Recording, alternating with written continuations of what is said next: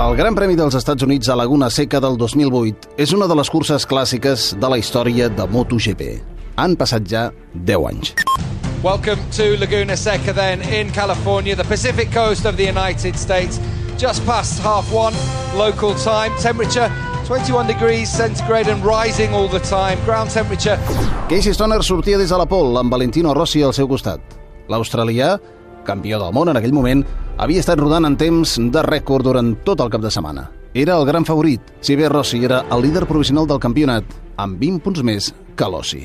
A la primera volta, passant pel famós llevataps, Valentino fa el primer avançament i durant 12 voltes tapa tots els forats.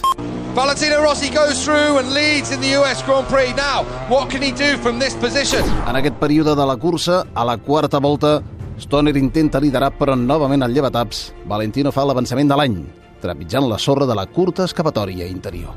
Stoner in second position once more, round the outside, going up the Rahal straight. Unbelievable stuff from Casey Stoner. And Rossi comes straight back at the corkscrew. And this is Rossi runs off track and pushes Stoner wide. What amazing stuff here's Valentino Rossi. Calia que el narrador es cuidés la veu perquè la cursa és llarga, 32 voltes. En 31 passades per meta va liderar Rossi. A més, faltant 9 voltes, a la darrera frenada, Stoner ha d'evitar el contacte amb Rossi. Se surt i cau. Stoner in second position has gone down. Still running. Is he going to be able to? He's in second position still, of course. Still running, but he's going to lose so, so much time now. Cert que l'australià perd temps, però tenia tant d'avantatge que pot tornar per ser segon. A la volta d'honor, Valentino Rossi, que aquell any es proclamaria campió del món, va aturar-se al llevataps, va baixar de la Yamaha i va besar l'asfalt. Stoner es va queixar al parc tancat del pilotatge d'Il Dottore. D'acord, la caiguda ha estat culpa meva perquè tenia marge, però realment ha estat la cursa més dura de la meva vida. Des del començament els avançaments han estat al límit i em veia a terra i no era divertit. Sé que és una cursa agressiva, però per mi és massa. I Rossi va replicar amb una frase inicial molt típica d'ell. La competició és això. Cada avançament que he fet ha estat clar. No l'he tocat mai.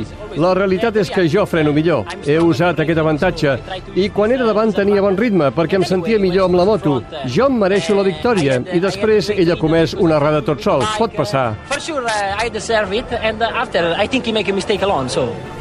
Tan desquiciat va acabar Stoner que a les dues següents curses, quan anava liderant, va caure i va sumar 0 punts per 50 de dues victòries de Valentino. El doctor tenia la medicina que calia per assolir un altre títol mundial.